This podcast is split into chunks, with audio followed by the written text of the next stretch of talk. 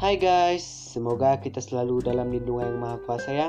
Dan terlebih kita harus selalu mematuhi protokol kesehatan seperti mencuci tangan, memakai masker, dan selalu berjaga-jaga dalam pandemi ini. Semoga pandemi ini cepat berlalu ya. Eh, pertama saya akan memperkenalkan nama saya terlebih dahulu. Perkenalkan nama saya Pascal Spenjitam dari Prodi Biologi Institut Teknologi Sumatera.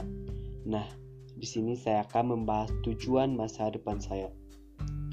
Masa depan saya itu di dalam tangan saya.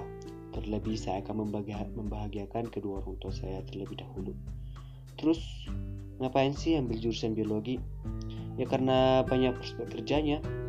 Misalnya sebagai ilmuwan pangan, ahli biologi, penulis sains, dan masih banyak lagi sih.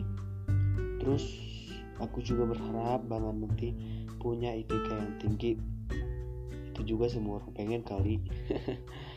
Nanti setelah lulus saya kerja dulu sekitar dua atau tiga tahun lah. Terus setelah itu pengen melanjut S2 sih. Rencana mau keluar negeri. Pengennya sih ke Korea Selatan sekalian jumpa sama penyanyi Blackpink. Halu halu. Yang penting kita harus percaya. Kita harus percaya jika setiap orang memenuhi tujuan hidup mereka yang terdalam, dunia akan bekerja dengan sempurna dan masing-masing dari kita dilahirkan dengan tujuan hidup, mengidentifikasi, mengakui, dan menghormati tujuan hidup ini. Mungkin merupakan tindakan yang terpenting yang diambil orang-orang sukses. Nah, cukup sekian ya podcast dari saya. Semoga bermanfaat.